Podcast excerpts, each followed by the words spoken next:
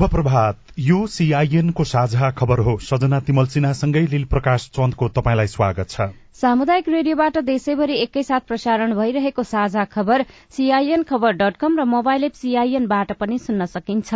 आज दुई हजार उनासी साल माघ तीन गते मंगलबार जनवरी सत्र तारीक सन् दुई हजार तेइस नेपाल सम्बत एघार सय त्रिचालिस माघ कृष्ण पक्षको दशमी तिथि। साझा खबरमा प्रमुख खबरका शीर्षकहरू। मन्त्री परिषद विस्तार आज सत्ता गठबन्धनमा मन्त्रालय बाँडफाँटको विषय टुंगियो सर्वदलीय बैठकपछि सभामुख र राष्ट्रपतिबारे कांग्रेसले निर्णय गर्ने। हवाई सुरक्षामा कड़ाई गर्न विज्ञहरूको जोड़। एटीआर विमानमा प्राविधिक समस्या देखिएन।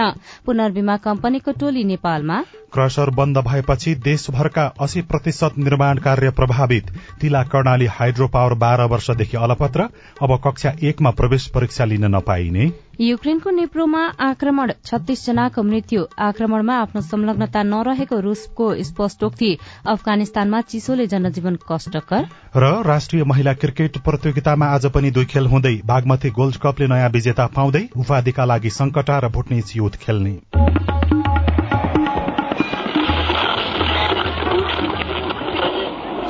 रेडियो।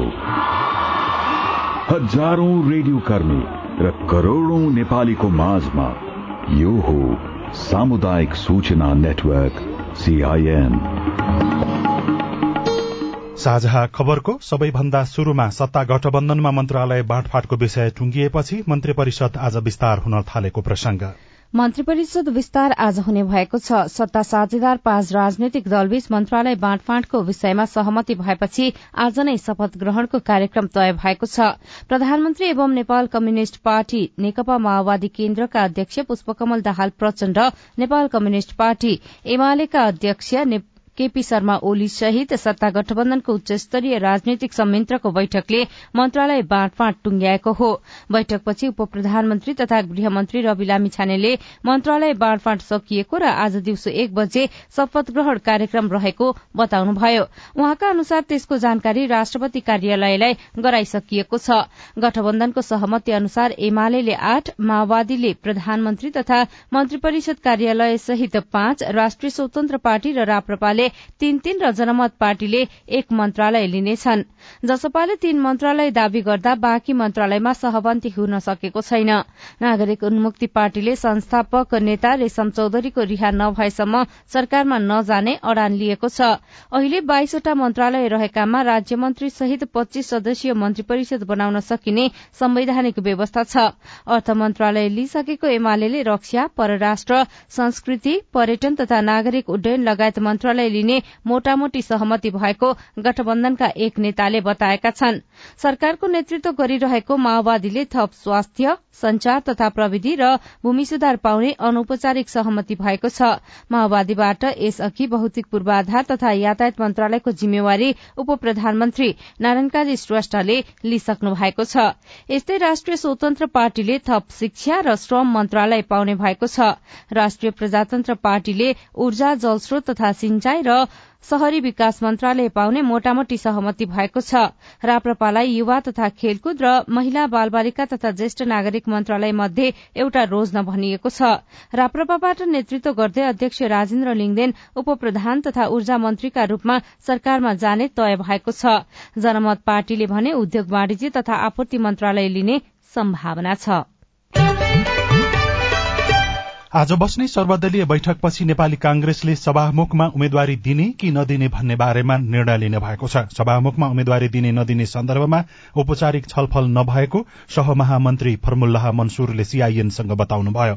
सरकारलाई विश्वासको मत दिने सबै पार्टीको बैठक आज बोलाइएको छ। कांग्रेसका नेता डाक्टर चन्द्र भण्डारीले भने राष्ट्रपति र सभामुख पदमा माओवादी केन्द्रले नेपाली कांग्रेसलाई सहयोग गर्ने दावी गर्नुभएको छ। सीआईएनसँग कुराकानी गर्दै नेता भण्डारीले प्रधानमन्त्री प्रचण्डले आफ्ना सभापति शेरबहादुर देउबालाई राष्ट्रपति र सभामुखको निर्वाचनमा सघाउने वचन दिइसकेको दावी गर्नुभयो। यदि प्रचण्डजीले कुनै कुनै स्थानमा सहयोग गर्नु भएन भने त यसले त जरुर नयाँ एउटाको अन्त अर्कोको शुरूआत त हुन्छ।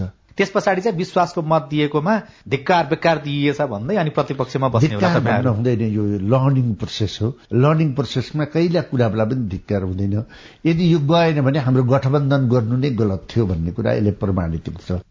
नेकपा एकीकृत समाजवादी पार्टीका अध्यक्ष माधव कुमार नेपालले भने सरकारलाई विश्वासको मत दिएर पनि विपक्षमा बस्न सकिने टिप्पणी गर्नुभएको छ। सीआईएनसँग कुराकानी गर्दै अध्यक्ष नेपालले आफ्नो दलले अहिलेको सरकारलाई विश्वासको मत दिए पनि सरकारको गुण र दोषका आधारमा समर्थन र विरोध गर्ने बताउनुभयो।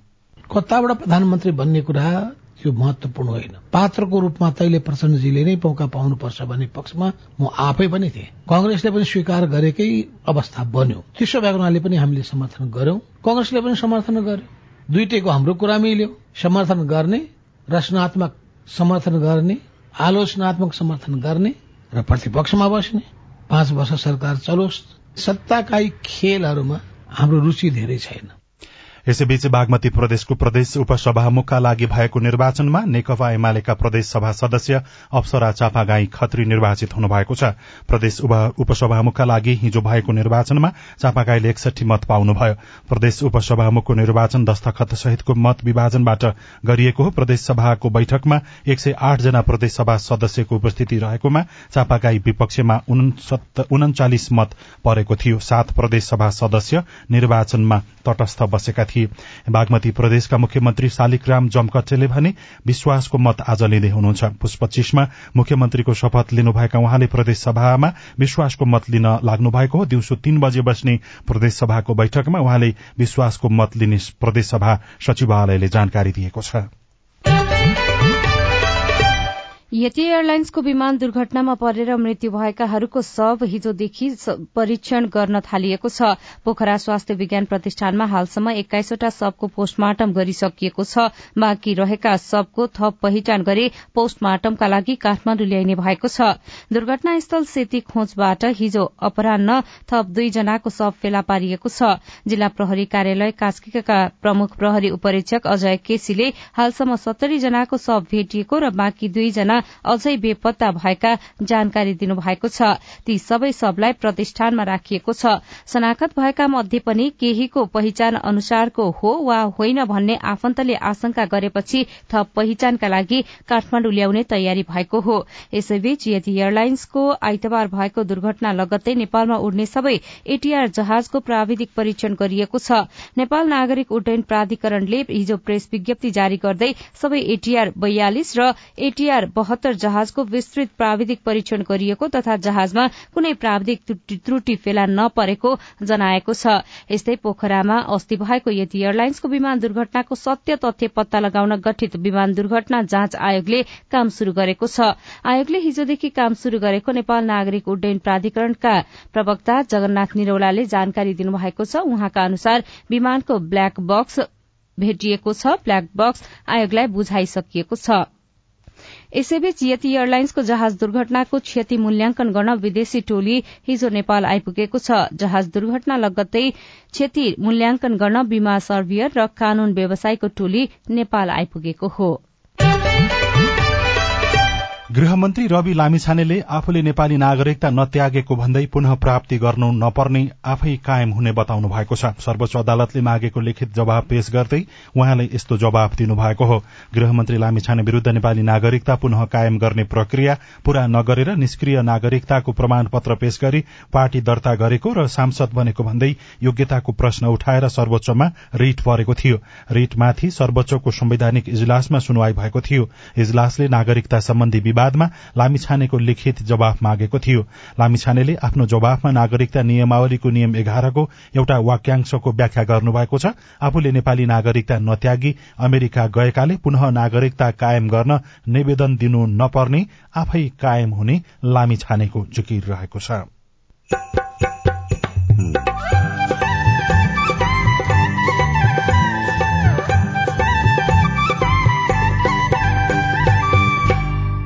सामुदायिक सूचना नेटवर्क सीआईएन मार्फत देशभरि प्रसारण भइरहेको साझा खबरमा सवारी साधन दुर्घटना घटाउने सरकारको लक्ष्य पूरा नहुने जोखिम।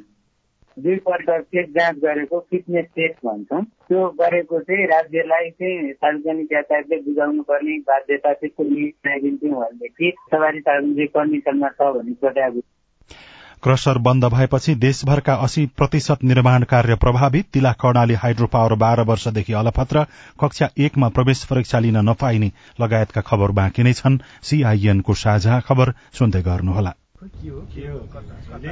खै यतै कतै कतै भन्थे यता हो कि तल हो कि माथि कता हो सर नमस्ते।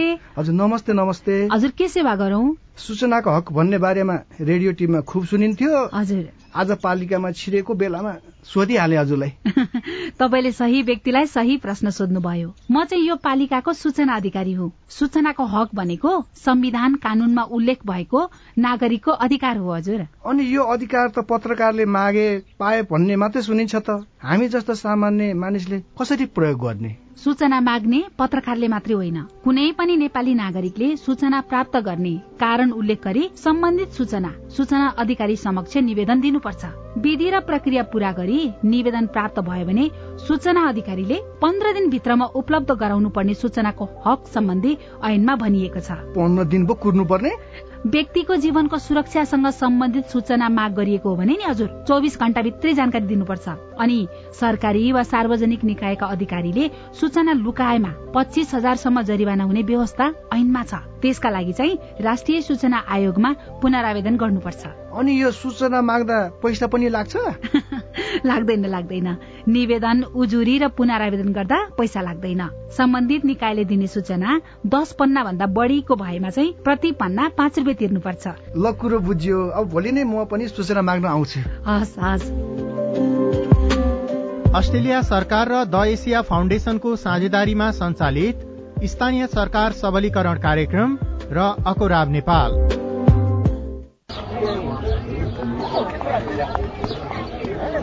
सबैलाई नमस्कार। अध्यक्ष उपाध्यक्ष सदस्य सबै पो आउनुभएछ त। हामी त विपद व्यवस्थापनमा जनप्रतिनिधिको भूमिकाकै बारेमा पो छलफल गर्दै थियौं। अनि के छ निष्कर्ष सुनौ न त? बाढ़ी पहिरो भूकम्प लगायतका विपदको समयमा महिलाका समस्या सम्बोधन गर्न पालिकाले अझ धेरै काम गर्न सक्छ भन्ने हाम्रो बुझाइरह्यो। विपद सम्बन्धी स्थानीय नीति कानून मापदण्ड बनाउने र कार्यान्वयन अनुगमन नियमनको अधिकार स्थानीय सरकारलाई छ। त्यसमा महिलाको पनि सहभागिता बढाउनु पर्यो। पालिकाको अध्यक्ष मै छु। पाएको अधिकार अनुसार हामी बनेको कानून कार्यान्वयन गर्ने अनि आवश्यक कानून बनाउने चरणमै छौ। अब तपाईँका सुझाव पनि समेटिन्छन् है। विपदको तयारी र प्रतिकार्यका लागि पालिकामा रहेको संयन्त्र र योजना अनि नीतिहरू महिला बालबालिका अपाङ्गता भएका यौनिक अल्पसंख्यक समुदायका व्यक्तिको आवश्यकतामा आधारित हुनु पर्यो अध्यक्षज्यू। दिदी बहिनीहरूले सही कुरा उठाउनु भयो यहाँ उठेका सबै कुरा कार्यपालिकाको बैठकमा राख्ने प्रतिबद्धता जनाउँदै बरु अध्यक्षज्यू अहिलेसम्म बनेका कानून कस्तो बने? अनि भविष्यमा कस्तो बनाउने भन्ने बारे भोलि नै एउटा छलफल राखौं न हुन्न? विपद पहिले विपदको बेला र विपद पछि कस्तो नीति बनाउने र महिलालाई कसरी सम्बोधन गर्ने भन्ने बारेमा भोलि नै सर्वपक्षीय बैठक गरौं। आएका सुझाव समेटेर बनेका कानून संशोधन र नयाँ कानून बनाउन पालिका तयार छ। विपद सम्बन्धी कानून निर्माण र कार्यान्वयनमा महिलाको अर्थपूर्ण सहभागिता खोजौं। युएन उमनको सहयोगमा ल्याक र अकोराब नेपाल। सामाजिक रूपांतरण का लागि यो हो सामुदायिक सूचना नेटवर्क सीआईएन तपाई अहिले देशभरिका सामुदायिक radio CIN Khabar dot com र मोबाइल एप सीआईएनबाट एकैसाथ साझा खबर सुन्दै हुनुहुन्छ। मोबाइल एप नेपाली पात्रोबाट पनि सीआईएनको साझा खबर सुनिरहनु भएको छ। अब आज काठमाडौँबाट प्रकाशित पत्र पत्रिकाको खबर। गोर्खापत्र दैनिकमा कक्षा एकमा प्रवेश परीक्षा लिन नपाइने शीर्षकको खबर छापिएको छ। आगामी दुई हजार अस्सी सालको शैक्षिक सत्रदेखि विद्यालयले कक्षा एकमा विद्यार्थी भर्नाका लागि प्रवेश परीक्षा लिन नपाउने भएका छन्। शिक्षा तथा मानव स्रोत विकास केन्द्रको प्रारम्भ प्रारम्भिक वा प्रारम्भिक बाल विकास शाखाले हालै यस्तो निर्णय गरेर कार्यान्वयनका लागि सम्बन्धित निकायलाई निर्देशन दिएको छ। प्रवेश परीक्षाको विकल्पमा विद्यार्थी भर्नाका लागि अन्य उपयुक्त विधि अवलम्बन गर्न लगाउन पनि केन्द्रले निर्देशन दिएको छ। कक्षा एकमा भर्ना तथा प्रवेश परीक्षा तयारी कक्षा सञ्चालन गर्न पनि केन्द्रले रोक लगाएको छ। यस्तै भित्री पृष्ठमा मतदाता नामावली दर्ता आजदेखि हुन लागेको खबर छापिएको छ। मतदाता नामावलीको अनलाइन प्रारम्भिक दर्ता आजदेखि शुरू हुँदैछ। निर्वाचन आयोगले हिजोदेखि नै अनलाइन दर्ता शुरू हुने जनाएको थियो तर राष्ट्रिय शोक विदा परेकाले शुरू हुन नसकेको आयोगले जनाएको छ। निर्वाचन आयोगका सहायक प्रवक्ता ऋषिराम भूषालले आजदेखि सतहत्तरवटै जिल्लामा अनलाइन दर्ता शुरू हुने जानकारी दिनुभएको छ। अर्को खबर छ नेपालमा कुल जनसंख्याको दश प्रतिशतमा बाथरोग समस्या भए पनि यसले प्राथमिकता पाउन सकेको छैन। सरकारी अस्पतालमा बाथरोग बिरामीको जनरल फिजिसियनले उपचार गर्ने गरेका छन्। सरकारी अस्पतालमा बाथरोगको छुट्टै विशेष दरबन्दी छैन। वरिष्ठ बाथरोग विशेषज्ञ डाक्टर विनित वैद्यले नेपालमा तीस लाख बाथरोगी रहेको बताउँदै सरकारी अस्पतालमा बाथरोगको छुट्टै एकाइ नहुनु दुखद भएको बताउनु भएको छ। नयाँ पत्रिका दैनिकमा अचाकली महँगी शीर्षकमा खबर छ अजित अधिकारी र भोजराज भण्डारीले लेख्नु भएको खबर हो सधैँ मूल्य वृद्धिको मार खेप्ने नेपाली उपभोक्ता गत वर्षको तुलनामा यो वर्ष झन धेरै मारमा परेका छन्। विगतमा वार्षिक पाँचदेखि दश प्रतिशत मूल्य बढ़ने गरेको थियो तर यो वर्ष खाद्यान्नमा तीस प्रतिशतसम्म मूल्य बढ़ेको छ। अस्वाभाविक मूल्य वृद्धि हुँदा पनि नियन्त्रणका लागि सरकारले प्रभावकारी पहल कदमी नलिएको भनेर टीका टिप्पणी गरिएको छ। एक वर्षमा भएको अस्वाभाविक मूल्य वृद्धिले उपभोक्ताको भान्सा अचाक्ली महँगिए पनि नियन्त्रणका लागि पहल गरिएको छैन। भित्री पन्नामा अर्को खबर छ थप एकजना पक्राउ संगठित अपराधमा अनुसन्धान हुने शीर्षकमा अमेरिकी नागरिकलाई अनलाइन मार्फत ठगी गरेको रकम बैंकिङ प्रक्रिया मार्फत नेपालमा ल्याएको घटनाको अनुसन्धानमा प्रहरीले थप एकजनालाई पक्राउ गरेको छ। केन्द्रीय अनुसन्धान ब्यूरो सीआईबीले गिरोहका नाइके पृथ्वी बहादुर शाहकी पूर्व कर्मचारी विनिता तामाङलाई पक्राउ गरेको भनेर खबरमा उल्लेख गरिएको छ। अर्को खबर रहेको छ। सर्वोच्चमा रिटको चाङ शीर्षकमा गम्भीर प्रकृतिका मुद्दाको सुनवाई प्रभावित भएको छ। असाधारण अधिकार क्षेत्रको प्रयोग बढ़दै गएको पाइएको छ। महान्यायाधिवक्ताको कार्यालयले ललितपुर जिल्ला सरकारी वकिलको सहायक न्यायाधिवक्ता संगीता थोकरको कामकाज सरूवा गर्यो। आफूलाई एउटा जबरजस्तीकरणीको मुद्दामा महान्यायाधिवक्ता कार्यालयबाट दबाव आएको तर दबाव अस्वीकार गर्दा कानून विपरीत सरूवा गरिएको उहाँको दावी रहेको थियो।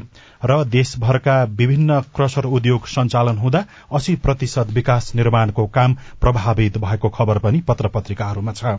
यस्तै नयाँ पत्रिका नागरिक दैनिकको आर्थिक पृष्ठमा तिला कर्णाली हाइड्रो पावर बाह्र वर्षदेखि अलपत्र रहेको खबर छापिएको छ। कर्णालीको महत्वपूर्ण अर्को जलविद्युत आयोजना तिला कर्णाली हाइड्रो पावर बाह्र वर्षदेखि एक निर्माण कम्पनीको झोलामा रहेको छ। निर्माणको जिम्मा पाएको एसी पावर कम्पनीले दुई हजार सडसठी साल चैतमा सरकारसँग सम्झौता गरेको थियो। सम्झौता गरेको बाह्र वर्ष पुग्दा समेत तिला कर्णाली जलविद्युत आयोजना अझैसम्म कम्पनीकै कब्जामा रहेको छ।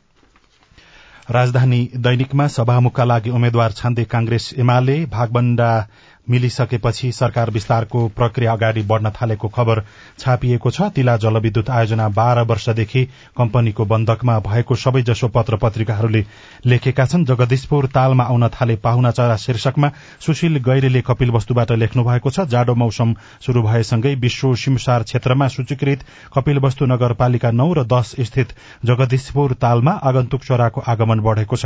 यस तालमा चीन मंगोलिया तथा रूसको साइबेरिया सहितका क्षेत्रबाट चरा आउने गर्छन्। चरा तालमा जाडो छल्न तथा बच्चा कोरल्न आउने गरेको चरा विज्ञहरूको भनाइ छ। तराईमा चिसो मौसम शुरू हुन साथ तालमा चरा आउने गर्छन्। यस तालमा एक सय पचास भन्दा बढ़ी जातका चराचुरुङ्गी पाइन्छन्। त्यसै गरी त्यस तालमा विभिन्न प्रजातिका माछा कछुवा भ्यागुता आदि जलप्राणी पाइन्छ। सिमसार वनस्पतिमा बेहाय पटेर कमल जंगली धान सिंगडा लगायतका यस तालमा पाउने गरिएको छ। खबरमा उल्लेख गरिएको छ। साझा खबरमा अब हेलो सीआईएन उषा तामाङबाट। मेरो नाम पितामर प्रसाद हो म सिरानसेव गाउँपालिका वार्ड नम्बर चारबाट। कुनै भवितव्य परे सयमा फोन गर भन्छन् तर जिल्ला प्रहरी कार्यालय सयमा फोन गर्दा एकचोटि तनुङमा पुग्छ। किन? तपाईँको प्रश्न हामीले जिल्ला प्रहरी कार्यालय गोर्खाका प्रवक्ता प्रहरी नायब उपरीक्षक लीलाराज लामिछानेलाई सुनाएका छौं। मौसमको प्रतिकूलता र त्यो डिस्टेन्सको हिसाबले त्यो समस्या सुनिने आएको छ। जस्तो अहिले आरोघाट एरियाको हजुरले हेरिबक्स्यो भने धादिङ बेसीको फोनहरू पनि जिल्ला प्रहरी कार्यालय गोर्खामा आउँछ। त्यसै गरेर लमजुङको तल्लो बेल्टको फोनहरू पनि कहिलेकाहीँ गोर्खामा आउँछ। अब यो प्राविधिक समस्या सुल्झाउनको लागि हामीले नेपाल टेलिकमसँग परामर्श गरिरहेका छौँ। समयमा हुन त अब निशुल्क भएको हुनाले आम देश नागरिकहरूले यसैमा नै गर्ने गर्नुहुन्छ। त्यसको सहजताको लागि अहिले हामीले हरेक जिल्ला प्रहरी कार्यालयहरूमा अन्ठानब्बे पाँच सत्तरी नब्बे आठ सय पचपन्न अर्को अन्ठानब्बे पाँच सत्तरी नब्बे दुई सय पचपन्न यो मोबाइल फोनहरूमा गर्नुभयो भने पनि यो गोर्खाको समस्या प्रत्यक्ष सिधै गोर्खामा आउने गर्छ। र यो गुनासो निराकरणको लागि हामी नेपाल टेलिकमसँग सहकार्य गरेर छिटोभन्दा छिटो समाधान गर्ने कोसिस गर्छौँ नमस्ते म बारीको प्रसाद जाजरकोटबाट बोलेको दुई हजार सत्र असार पच्चिस गतिमा गएको बाढी पहिरोमा परि विस्थापित भएका हजारौं घर परिवारलाई नेपाल सरकार तथा स्थानीय निकायले वासस्थानको व्यवस्थापनको लागि घरहरू बनाउन चार लाख रुपियाँ दिने निर्णय गरेको थियो। अथवा सुनियो र प्रत्येक विस्थापित परिवारलाई दुई हजार अठहत्तर सालमा गाउँपालिका खाता खोल्न लगाई खातामा पचास हजार रुपियाँ पनि हालियो र बाँकी रकम कहिले पाउने विस्थापित परिवारले? तपाईँको प्रश्नको जवाब हामीले जाजरकोटका प्रमुख जिल्लाधिकारी अञ्जन नेउपानेबाट लिएका छौं। संघ सरकारले बेहोर्ने साठी प्रतिशत मध्ये प्रति घरधुरी पचास हजार दरले माथि संघीय सरकारबाट पनि यो पैसा आइकन हामीले सम्बन्धित एकहत्तर घरधुरीलाई दिइसकेको अवस्था छ।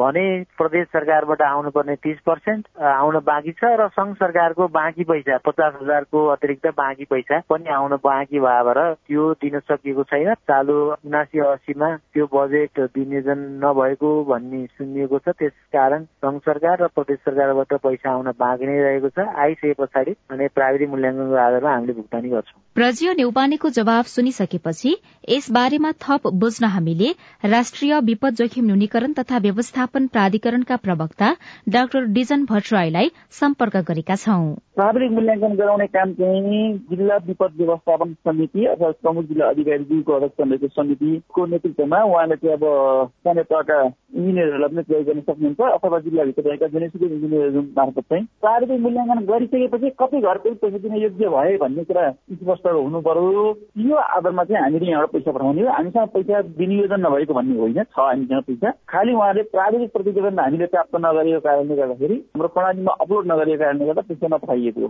तपाई जुनसुकै बेला हाम्रो टेलिफोन नम्बर शून्य एक बान्न साठी छ चार छमा फोन गरेर आफ्नो विचार प्रश्न गुनासो तथा प्रतिक्रिया रेकर्ड गर्न सक्नुहुन्छ। साझा खबरमा अब विदेशको खबर युक्रेनको निप्रोमा भएको आक्रमणमा परेर छत्तीस जनाको मृत्यु भएको छ। पचहत्तर जना घाइते भएका छन् भने अझै केही हराइरहेको अन्तर्राष्ट्रिय संचार माध्यमले उल्लेख गरेका छन्। नौतले भवनमा भएको आक्रमणबाट एउटा भागपूर्ण रूपमा नष्ट भएको पाइएको छ। एक वर्षदेखि युक्रेनमा आक्रमण गरिरहेको रूसले भने यो आक्रमण आफूले नगरेको दावी गरेको छ। अफगानिस्तानमा अचानक बढ़ेको चिसोले त्यहाँको जनजीवन कष्टकर बनेको छ। अहिलेसम्म चिसोका कारण कम्तीमा बीस जनाको मृत्यु भएको छ भने चार हजार गाई वस्तु पनि मरेका अन्तर्राष्ट्रिय संचार माध्यमले उल्लेख गरेका छन्। हेरात क्षेत्रीय अस्पतालमा हाइपोथर्मियाका कारण सत्तरी जना भर्ना भएका खबरमा उल्लेख गरिएको छ। र पाकिस्तानको दक्षिणी वजिरिस्तान क्षेत्रमा दण्डहीनता मौलाएको भन्दै सरकार विरोधी प्रदर्शन भएको छ। पाकिस्तान सरकारले उक्त क्षेत्रमा व्यापक आतंकवाद अपहरण हत्या फिरौती चन्दा संकलन जस्ता गतिविधि नियन्त्रण गर्न नसकेको भन्दै प्रदर्शन भएको हो। अब खेल खबर। राष्ट्रिय महिला क्रिकेट प्रतियोगितामा आज पनि दुई खेल हुँदैछन्। आज पहिलो खेलमा बिहान नौ बजे कर्णाली प्रदेश र प्रदेश एक बीच प्रतिस्पर्धा हुनेछ। यस्तै दिउँसो एक बजे सुदूरपश्चिम प्रदेश र सशस्त्र प्रहरीको एपीएफ खेल्नेछन्। दुवै खेल इटहरीमा हुनेछ। यसअघि हिजो भएको खेलमा मध्य प्रदेशले कर्णाली प्रदेशलाई आठ विकेटले तथा प्रदेश एकले लुम्बिनी प्रदेशलाई नौ विकेटले हराएका थिए। पाँचौं संस्करणको बागमती गोल्ड कप राष्ट्रिय फुटबल प्रतियोगिताले आज नयाँ विजेता प्राप्त गर्दैछ। बागमती गाउँपालिका स्थित जनता मावि खेल मैदानमा संकटा र विदेशी क्लब भुटनिज युथ स्पोर्ट्स बीच प्रतिस्पर्धा हुँदैछ। संकटा नेपालको ए डिभिजन टोली हो भने भुटनिज अमेरिकन क्लब हो।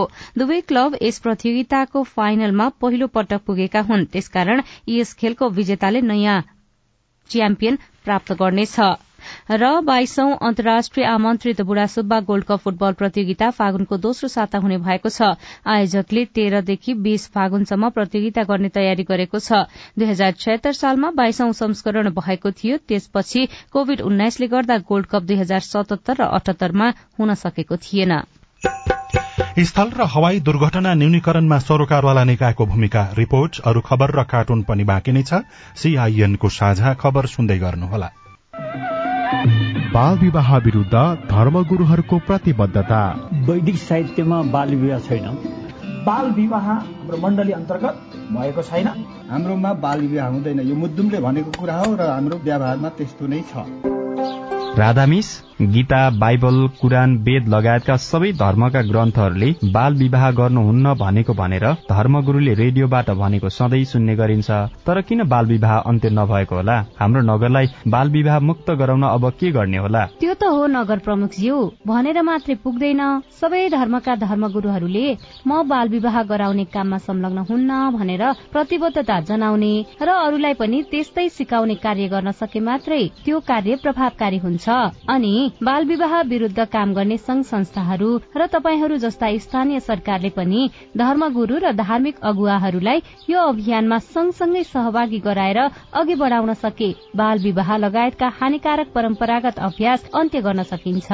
हुन्छ राधा मिस म त्यसै गर्छु। ओल्ड भिजन इन्टरनेसनल नेपाल र अकुराब। सामाजिक रूपान्तरणका लागि यो हो सामुदायिक सूचना नेटवर्क सीआईएन साझा खबरमा अब दुर्घटना न्यूनीकरण सम्बन्धी प्रसंग। पछिल्लो आठ वर्षमा नेपालमा सड़क दुर्घटना तीस प्रतिशतले बढ़ेको छ। आठ वर्षमा सवारी साधन दुर्घटनाबाट मात्रै बीस हजार अन्ठाउन्न जनाको मृत्यु भएको छ। हवाई सेवाको बैसठी वर्ष इतिहासमा एक सय चार दुर्घटनामा नौ सय एक्काइस जनाको मृत्यु भएको छ। गृह मन्त्रालयले सड़क र हवाई दुवै खाले दुर्घटना कम गराउने लक्ष्य लिएको छ। तर सम्भव छ? नेपाल प्रहरीको तथ्याङ्क अनुसार गत आठ वर्षमा देशभर एक लाख छयासी हजार दुई सय सतहत्तर सवारी साधन दुर्घटना भएको छ जसबाट बीस हजार भन्दा बढ़ीको मृत्यु भयो। चालू आर्थिक वर्षको छ महिनामा सात सय जना भन्दा बढ़ीको सवारी साधन दुर्घटनाकै कारण मृत्यु भएको छ। दुर्घटनाको पछिल्ला छानबिन र प्रतिवेदनका तथ्यलाई आधार मान्ने हो भने पचहत्तर प्रतिशत भन्दा बढ़ी दुर्घटनाको कारण चालकको लापरवाही देखिएको छ। यातायात विज्ञ आशिष गजुरेल। संरचना भयो सवारी साधनको कन्डिसन भयो सड़क अनुशासनको कुरा भयो र अर्को चाहिँ सड़क नियम कानून हामीले कतिको पालना गरिरहेको छौँ भन्ने। अब यी सबैमाथि हामी चुकेका छौँ। यान्त्रिक गडबडी सवारी साधनको नियमित मर्मत नहुनु सड़कको अवस्था र ट्राफिक सम्बन्धी नियम पालना नगर्नु जस्ता कारण दुर्घटना घट्न सकेको छैन। सवारी तथा यातायात व्यवस्था ऐन दुई हजार पचहत्तरका अनुसार वर्षमा दुई पटक सवारी साधनको यान्त्रिक परीक्षण गरेर सरकारलाई परीक्षण प्रतिवेदन बुझाउनुपर्छ। तर यो नियम पनि कार्यान्वयन हुन सकेको छैन। वर्षको दुईपल्ट चेक जाँच गरेको फिटनेस टेस्ट भन्छौँ। त्यो गरेको चाहिँ राज्यलाई चाहिँ सार्वजनिक यातायातले बुझाउनु पर्ने बाध्यता चाहिँ बनाइदिन्थ्यौँ भनेदेखि यस हिसाबले चाहिँ हामीले चाहिँ सवारी चाहिँ कन्डिसनमा छ भन्ने प्रत्याभूति हुन्थ्यो त्यो पनि हुन सकेको छैन। सन् दुई हजार बीससम्म सड़क दुर्घटनाबाट हुने क्षति पचास प्रतिशतले घटाउने संयुक्त राष्ट्र संघको लक्ष्यलाई नेपालले आठ वर्ष अघि नै अनुमोदन गरेको थियो। तर पछिल्लो आठ वर्ष यता दुर्घटनाका कारण मृत्यु हुनेको संख्या तीस प्रतिशतले बढ़ेको छ। सरकारले सन् दुई हजार तीससम्म दुर्घटनाका कारण मृत्यु हुनेको संख्या सात सयमा झार्ने लक्ष्य लिएको छ। तर सड़क सुरक्षाबारे हेर्ने निकाय एउटै नहुँदा नीति निर्माण र कार्यान्वयनको विषय अन्यलमा छ। विपद जोखिम न्यूनीकरण तथा व्यवस्थापन प्राधिकरणका प्रवक्ता डिजन भट्टराई। प्राधिकरण यातायात कार्यालयहरू छन् यातायात व्यवस्था विभाग छ।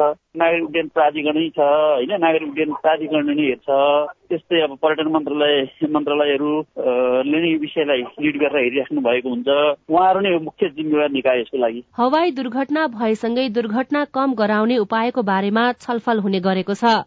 आयोग र अध्ययन प्रतिवेदन बन्छन् तर हवाई दुर्घटना पनि कम हुन सकेको छैन। नेपालमा मौसमको खराबी वा मानवीय त्रुटिका कारण हवाई दुर्घटना हुने गरेको भनिए पनि विमानस्थलमा आधुनिक उपकरणको अभाव पुराना जहाज जहाजमा उपयोगी प्रविधि जडान नगरिनु दक्ष जनशक्तिको अभावका कारण दुर्घटना कम हुन नसकेको हवाई विज्ञ राजकुमार छेत्री बताउनुहुन्छ। मानवीय त्रुटि नभएका पनि होइनन्। मानवीय त्रुटि भएका एक्सिडेन्टका उदाहरणहरू पनि छन्। अहिले यो पन्ध्र सोह्र वर्षदेखि मैले म यही फिल्ड भएकोले टेक्निकल फल्टले पनि जहाज दुर्घटना भएको पनि देखिएको छ। वेदरको प्रब्लमले यस्ता यस्ता प्रब्लमले धेरै प्ले गरे जस्तो लाग्छ। दुर्घटनापछि बनेका छानबिन आयोगले निकालेको निचोड र सुझावहरू अध्ययन भई कार्यान्वयन नहुँदा पनि हवाई दुर्घटना दोहोरिने गरेको छ। सुशीला श्रेष्ठ सीआईएन काठमाडौँ। रिपोर्टसँगै हामी साझा खबरको अन्त्यमा आइपुगेका छौं। सामुदायिक रेडियो प्रसारक संघद्वारा संचालित सीआईएनको बिहान छ बजेको साझा खबर सक्नु अघि मुख्य मुख्य खबर फेरि एकपटक। मन्त्री परिषद विस्तार आज सत्ता गठबन्धनमा मन्त्रालय बाँडफाँडको विषय टुंगियो सर्वदलीय बैठकपछि सभामुख र राष्ट्रपतिबारे कांग्रेसले निर्णय गर्ने। हवाई सुरक्षामा कड़ाई गर्न विज्ञहरूको जोड। एटीआर विमानमा प्राविधिक समस्या देखिएन। पुनर्विमा कम्पनीको टोली नेपालमा। क्रसर बन्द भएपछि देशभरका अस्सी प्रतिशत निर्माण कार्य प्रभावित। तिला कर्णाली हाइड्रो पावर बाह्र वर्षदेखि अलपत्र कक्षा एकमा प्रवेश परीक्षा लिन नपाइने। युक्रेनको निप्रोमा आक्रमण छत्तीस जनाको मृत्यु आक्रमणमा आफ्नो संलग्नता नरहेको रूसको दावी अफगानिस्तानमा चिसोले जनजीवन कष्टकर। र राष्ट्रिय महिला क्रिकेट प्रतियोगितामा आज पनि दुई खेल हुँदै। साझा खबरको अन्त्यमा कार्टुन हामीले नयाँ पत्रिका दैनिकमा रवि मिश्रले बनाउनु भएको कर्नर किक शीर्षकको कार्टुन लिएका छौं। व्यङ्ग्य गर्न खोजिएको छ। सरकारले यति इयरको विमान दुर्घटनासँगै शोक मनाउनको लागि भनेर हिजो सार्वजनिक विदा दिएको थियो तर आलोचना विभिन्न क्षेत्र र तहबाट भयो। यहाँ एउटा कार्यालयमा कर्मचारी टेलिफोनमा कसैलाई कुराकानी गर्दैछन् र ती व्यक्तिले केही भन्दैछन् माथि चाहिँ यस्तो लेखिएको छ। हेलो मन्त्रीज्यू हिजो शोक मनाउन दिएको विदाको आलोचना भएपछि आज त्यसको झोक मनाउन विदा दिनु पर्ला नि फेरि। हवस् त प्राविधिक साथी सुनिल राज भारतलाई धन्यवाद। अहिलेलाई लील प्रकाश चन्द र सजना तिमल सिन्हा विदा भयौं। तपाईँको आजको दिन शुभ होस्। नमस्कार। यसपछि देशभरिका सामुदायिक रेडियोबाट कार्यक्रम संवाद प्रसारण हुनेछ। सुन्ने प्रयास गर्नुहोला।